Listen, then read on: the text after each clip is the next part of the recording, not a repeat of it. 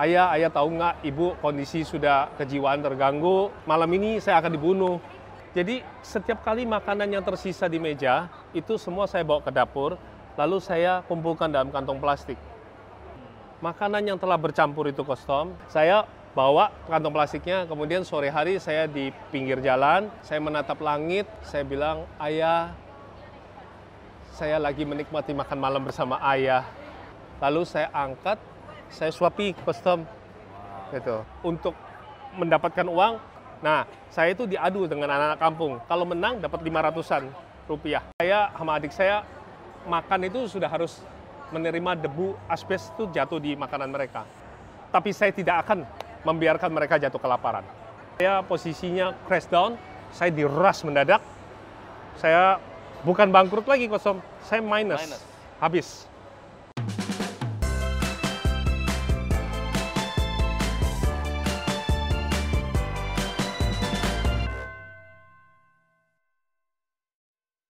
Hai, saya Tom MC Ifle, founder Top Coach Indonesia. Teman-teman, hari ini saya kedatangan orang luar biasa, namanya Pak Tommy Wong. Tommy Wong adalah orang yang hebat yang hari ini sedang heboh, lagi viral. Karena beliau adalah orang-orang yang memang memiliki visi yang luar biasa, mentransformasi banyak orang, mentransformasi lewat buku, mentransformasi lewat komunitas, dan kita akan belajar bisnis dari beliau karena insting bisnis beliau ini sangat-sangat luar biasa. Halo brother. Halo bro, ya baik-baik luar biasa. Hai teman-teman. Uh, teman-teman hari ya. ini kita akan membahas mengenai uh, bagaimana Pak Tommy Wong bisa menciptakan transformasi dalam bisnis beliau yang nanti beliau akan cerita sendiri karena banyak hal yang beliau miliki sebetulnya adalah sebuah potensi untuk kita mengerti pot, uh, opportunity. Bagaimana kita bisa melihat opportunity. Bro, bisa ya. cerita your background? Background ya. Jadi kalau misalnya dimulai dari saya mau rintis bisnis kan Boleh. tentunya semua pertama pertanyaan pertama orang-orang biasa gini, coach saya mau bisnis tapi saya nggak punya modal. Ah Nah ini kan kalimat-kalimat klise nih menurut saya yang di mana kita itu mengecilkan Tuhan, coach. Jadi kita ini kan ada lima, maka hari ini saya akan sharingkan lima tipsnya nih, kurang lebih gitu ya. Yang pertama itu adalah ketika kita mengecilkan Tuhan, kita udah nggak lihat potensi apa pun. Pikiran mindsetnya adalah uang. Padahal yang namanya modal itu Tuhan kasihnya kita begitu lahir itu Tuhan udah kasih bekal yang luar biasa, coach ini di dalam otak sini ini miliaran bahkan triliunan bisnis bisa ada terbukti Jack Ma. Kemudian tangan ini maupun kaki itu semua bisa diolah menjadi aset yang nilainya bisa miliaran bisa triliunan. Kalau nggak percaya lihat aja Mike Tyson lihat aja mereka yang pelari maupun perenang. Semua tergantung dari apa yang dipikirkan apa yang di dalam hati ini. Jadi saat kita saya merintis bisnis waktu itu saya kan kondisinya kan mau dibunuh nih kostum ya jadi iya mau dibunuh mau dibunuh iya mau dibunuh jadi ayah keluarga berkelimpahan ayah meninggal perebutan harta biasalah di dalam keluarga Chinese kostum kan sipit nih kostum ya jadi saya terpaksa lari ke jalanan. Pada saat saya lari ke jalanan, ceritanya, ya. ceritanya gimana? Basically uh, orang tua itu backgroundnya apa? Oh ya. Lalu kemudian kenapa kok hmm. kenapa harus dibunuh dan dan perebutannya itu gimana storynya? Kok bisa okay. sampai seperti itu? Benernya sih kalau flashback sih saya pernah ya sama kostum sama-sama bikin buku hmm, di dalamnya ada. Betul, betul, Tapi khusus buat pemirsanya Tom MC Ifle. pernah ya. sebelumnya gitu kan? Ya, jadi keluarga background uh, kakek saya kaya raya, punya hotel segala lah okay. ibaratnya. Terus ayah saya itu berbakti sama orang tua, dia itu ceritanya uh, kondisi yang namanya comfort zone ya. Saya lahir berkelimpahan, ayah saya suatu malam itu harus pergi untuk besok paginya ziarah di makam orang tua. Jadi makam leluhurnya itu dia berangkat, berangkat, nah terjadilah kecelakaan. Ayah saya itu putra sulung, Artinya apa? Di dalam keluarga Chinese kan kostum yang udah nangani bisnis tahu ya, ada yang meneruskan. Ya, tapi juga ada yang mewarisi kekayaan ini kan. Ayah saya meninggal, maka pewaris berikutnya siapa? Ayah saya meninggal. Yang pewaris berikutnya otomatis saya putra mahkota kan. ya namanya manusia greedy. Nah ini buat teman-teman ya, jangankan uh, teman ya. Ya. Saudara pun kadang-kadang kalau udah namanya mindsetnya udah pikirannya uang, dia udah buta. Itu kan ponakan masih kecil. Saya masih kecil waktu itu umur umur 7 8 tahun. 8 tahun. 7 8 tahun, Ya. ayah meninggal. Ya. Lalu kemudian ayah akan mewarisi Uh, kakek, tepatnya kan kakek uh, mewarisi mewarisi kan uh, tadinya ke ayah, tapi ayah. kan otomatis ayah nggak ada kan harus saya. ya, Maka ya mau bagaimana lagi? Yang namanya paman udah lupa itu kalau ini ponakan. Yang dia tahu ini adalah uh, calon pesaing, kompetitor. sayang. Bukannya mikirin bisnis itu kompetisi, malah mikirin ponakan sebagai kompetisi. Oke. Ya sudah, lampu dimatikan, air dimatikan. Jadi kondisi rumah saya prihatin, Coach Tom. Uh, ibu saya mengalami gangguan psikologi kejiwaan, akhirnya dibawa ke Sumatera. Saya sendiri tertinggal. Ya ibu saya kan udah lost mind, jadi saya nggak ikut gitu loh. Dan memang saya nggak mau berpisah dari makam sama ayah. Saya sedih banget waktu itu karena saya belum bisa nerima lah kondisi itu. Nah, keadaan rumah habis, lampu mati, air nggak ada. Saya itu ibaratnya makan itu sampai super mie itu kostum. Saya makan itu dalam kondisi kering itu satu hari tiga kali kostum. Jadi nggak dimasak, nggak di apa-apa. Iya, saya Dan, makan. dan itu bicara bicaranya em, benar-benar mengasingkan diri supaya nggak sampai ketemu orang gitu ya. Bukan sengaja saya di, di ibaratnya kayak diteror lah, biar saya habis gitu loh kostum.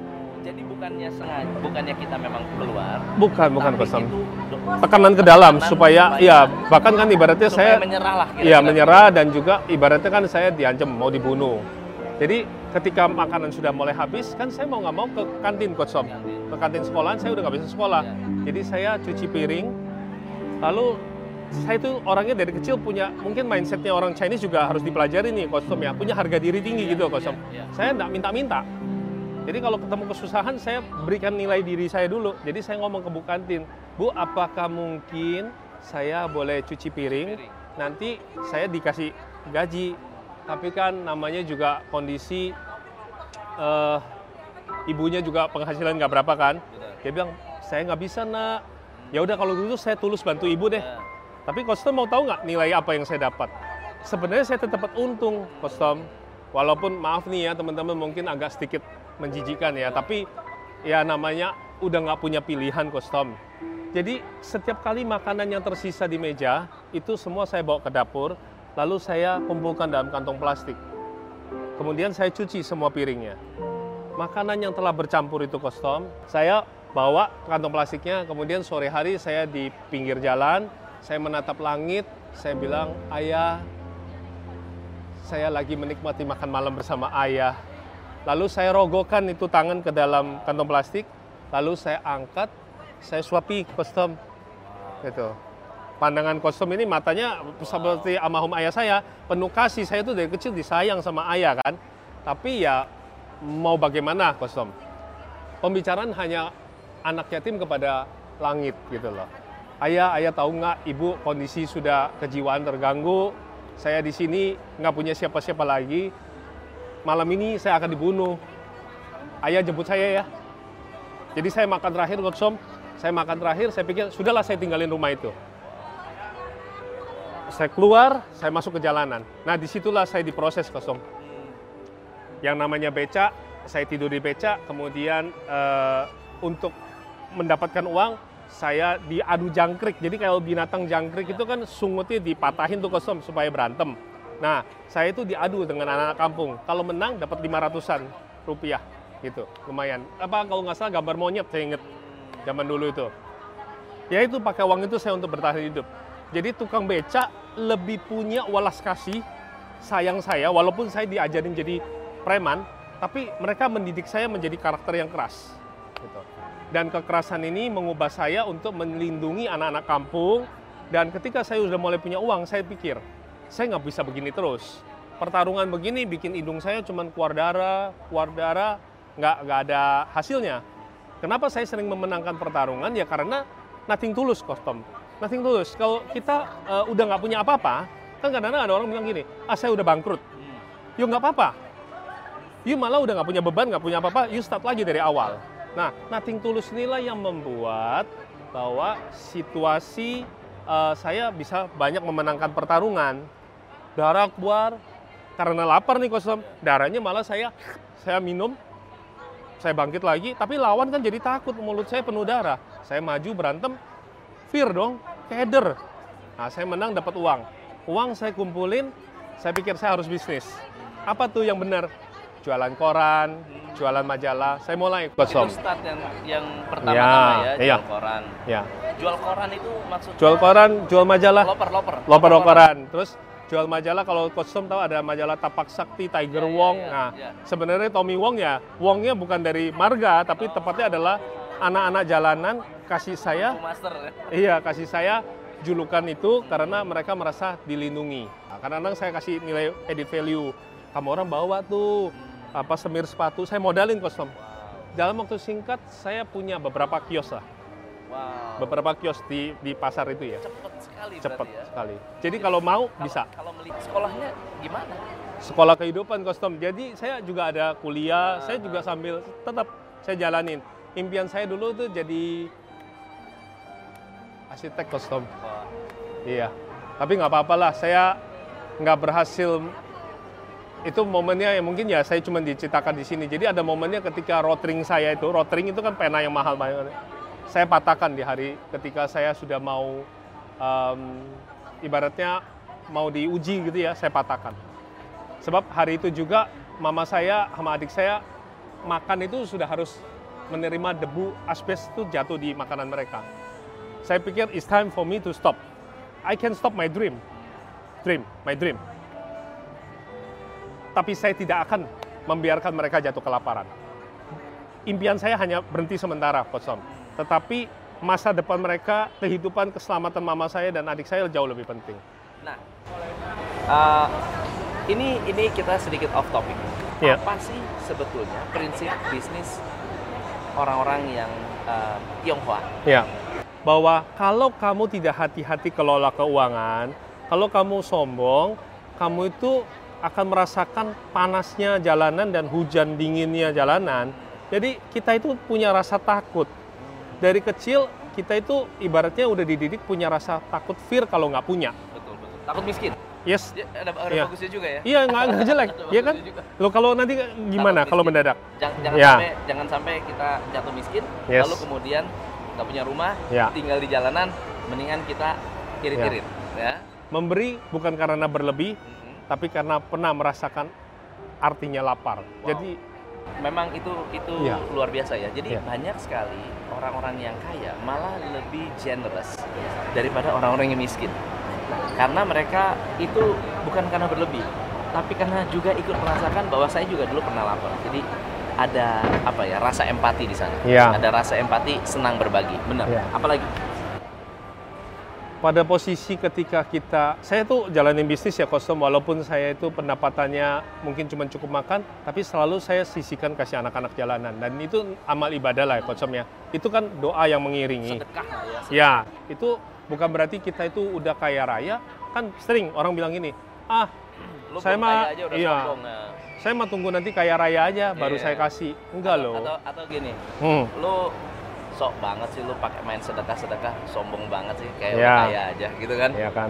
Sedekah itu banyak, sedekah ilmu, Sedekah ilmu, nolongin orang, nolong orang. ajarin mereka supaya mereka bisa berbisnis, jadi akhirnya Benar, bisa. Benar. Kemudian apa lagi? Banyak sedekah ilmu, sedekah tenaga, Sedekah tenaga, sedekah Iya. waktu, iya waktu, perhatian. sedekah perhatian, Iya. sedekah uh, Uh, doa ya, iya. kasih sayang. Yang ya. Coach Son tadi bilang itu empati. Iya. Jadi itu perjalanan yang mengiringi bisnis saya, membuat bisnis saya grow, saya dapetin banyak uh, penghargaan, ibaratnya seluruh, ibaratnya gini. Coach Son bisa bayangin nggak?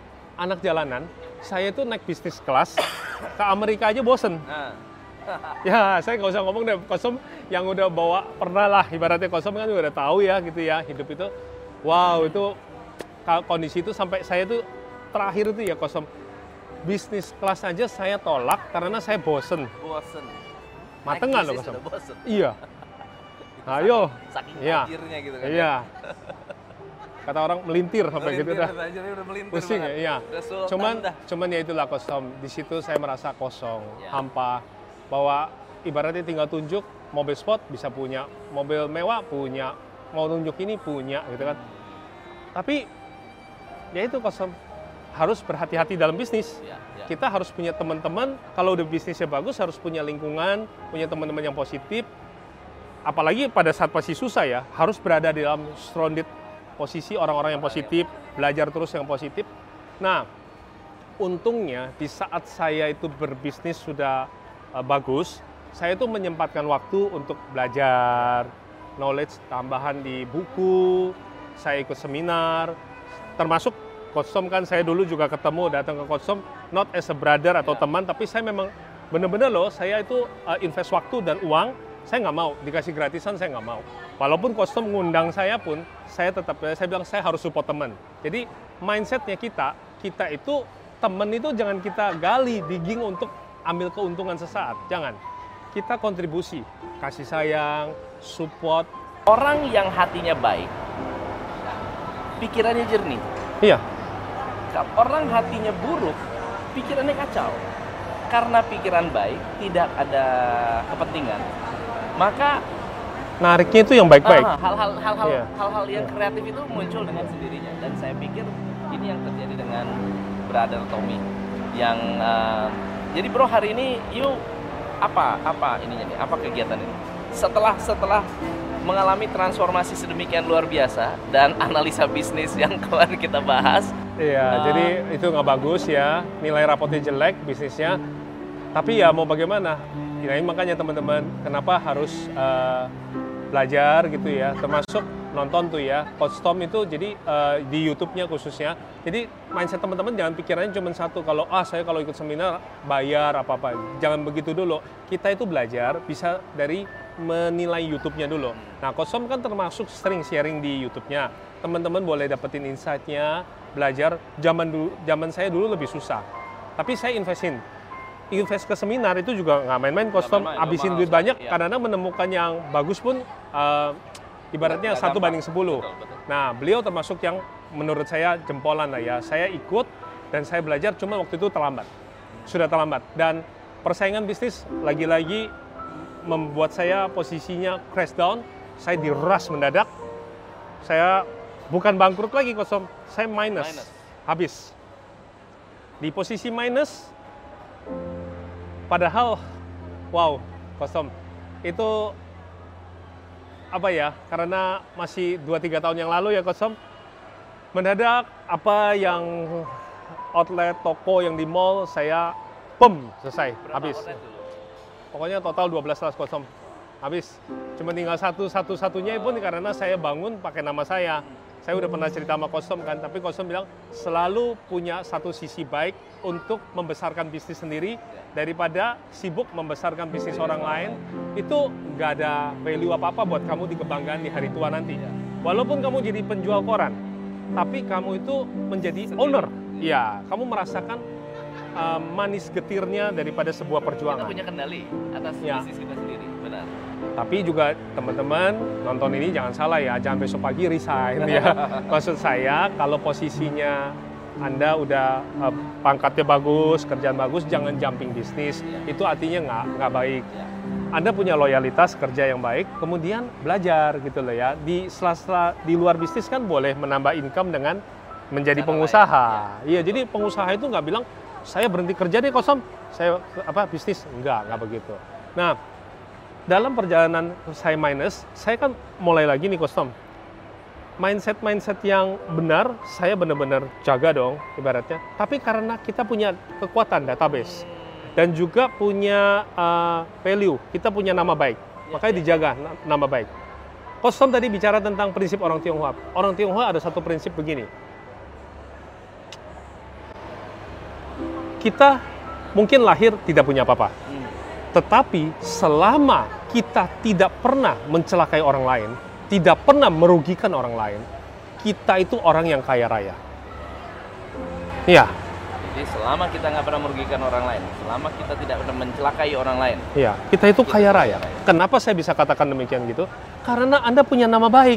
benar, benar. Nama baik Anda akan dihargai. Mahal Iya. daripada sekedar uang. Iya, Betul. hari ini seumpama lo ya, tapi ini bukan mindset saya. Seumpama saya jatuh kesulitan. Lalu saya datang ke kostum. Nah, kostum kita yang realitas aja nih ya saya bicara nih. Buat teman-teman. Kita nggak ada apa ibaratnya faking story atau faking apa gitu settingan. Enggak ini bukan YouTube settingan ini YouTube yang apa adanya. Kalau saya datang ke kostum saya bilang kostum saya kesulitan.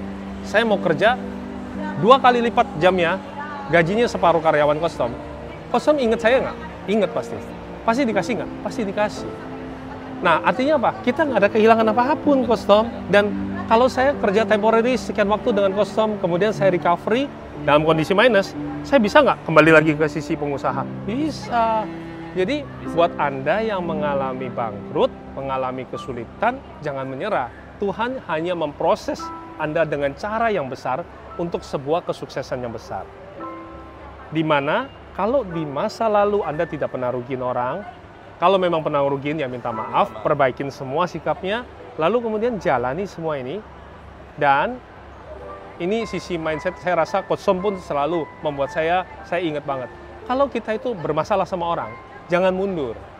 Kita hadapin dengan nilai apa ya ibaratnya niat untuk menyelesaikan solusi. Coach Som selalu ngajarin tuh kalau di dalam bisnis itu pasti ketemu persoalan. Artinya bisnisnya grow. Tapi boleh dicarikan solusinya dengan belajar. Ya. ya. Jadi Bro Tommy, kita dapat kesimpulan yang sangat luar biasa. Yang pertama adalah apa pun yang terjadi dengan masa kecil kita, masa lalu kita tidak berarti harus sama dengan masa depan kita atau yes. tidak menentukan masa depan kita. Yeah. Yang lebih menentukan adalah bagaimana kita bisa belajar dari masa lalu kita. Bisa belajar dari orang-orang yang ada di sekitar kita, memberi nilai tambah. Tidak pernah berhenti memberi nilai tambah. Lalu kemudian menciptakan manfaat yang bisa jadi orang nggak merasa rugi sampai orang seolah-olah berhutang budi. Yeah. Seolah-olah berhutang budi, berhutang budi dan dan kelihatan dari uh, passionnya Bro Tommy yang sudah berada di puncak kesuksesan sebuah bisnis lalu kemudian bisa turun lagi pernah jadi manajer turun lagi naik lagi turun lagi tetapi itu semua hanya sebuah proses. Yes. Karena apa? Ternyata, ternyata Tuhan memberikan sesuatu yang lebih baik lagi daripada yang sebelum-sebelum. Iya. Kehilangan ayah, ya itu di masa lalu. Iya. Tetapi apa yang saya buat di masa kini adalah saya jadi mengerti Tuhan proses saya untuk memberi saya arti mengerti bahwa anak yang nggak punya ayah itu rasanya apa anak-anak yang kehilangan orang tua apa jadi Tuhan memakai cinta kasih ayah dengan saya. Ayah saya nggak pernah pukul saya loh, kosong. Hmm. Jadi kehilangan di usia tujuh itu saya cukup berat. Tapi kan artinya itu cinta satu orang. Tapi Tuhan mau kasih cinta ini kepada yang lebih besar. Jadi saya diproses, akhirnya saya bisa sekarang uh, bantu anak-anak yatim piatu di pondok pesantren, Benar. di uh, panti asuhan, saya donasi. Banyak hal yang saya bisa lakukan, termasuk saya bimbing. Jadi teman-teman, semoga bisa mengambil manfaat dari video ini karena video ini kita buat sengaja untuk menginspirasi. Nah, please komen ya. apa momen Anda dalam um, mengambil manfaat dan pelajaran. Ya. Saya akan memberikan giveaway buat teman-teman. Ya. Saya akan memberikan 10 buku Go Startup buat komentar yang bisa mengambil pelajaran dari video ini. Iya, jadi di posisi titik terendah, Anda uh, kan ibaratnya setelah menonton video ini, Anda tercerahkan ya. mendapatkan insight apa, saya pun akan memberikan kontribusi ya. Ibaratnya saya support berada saya tiga kaos. Dari kemarin kan banyak teman yang nanya, kok yang dipakai Tommy itu apa gitu kan? Nah itu memang saya ada hadiahkan buat beliau. Plus saya tambahin tiga untuk buat yang kasih komen. Komen terbaik. Ya, bisa di mananya nih kosong langsung komen langsung di bawah ini ya komen di bawah ya apa yang anda anggap uh, bermanfaat dan inspirasi terbaik anda tulis di sini komen nanti saya akan pilih 10 orang akan dapat buku, tiga orang akan mendapatkan kaos. Nah, di teman-teman kementerian yang UMKM khususnya, ya. buat Anda yang kasih komen juga ya, itu jangan lupa follow Postom di apa tuh IG-nya? Tom MC Iflay ya dan juga Tommy Wong official. Thank you so much. Saya Tom MC Fle. Saya Tommy Wong, Salam pencerahan. salam pencerahan.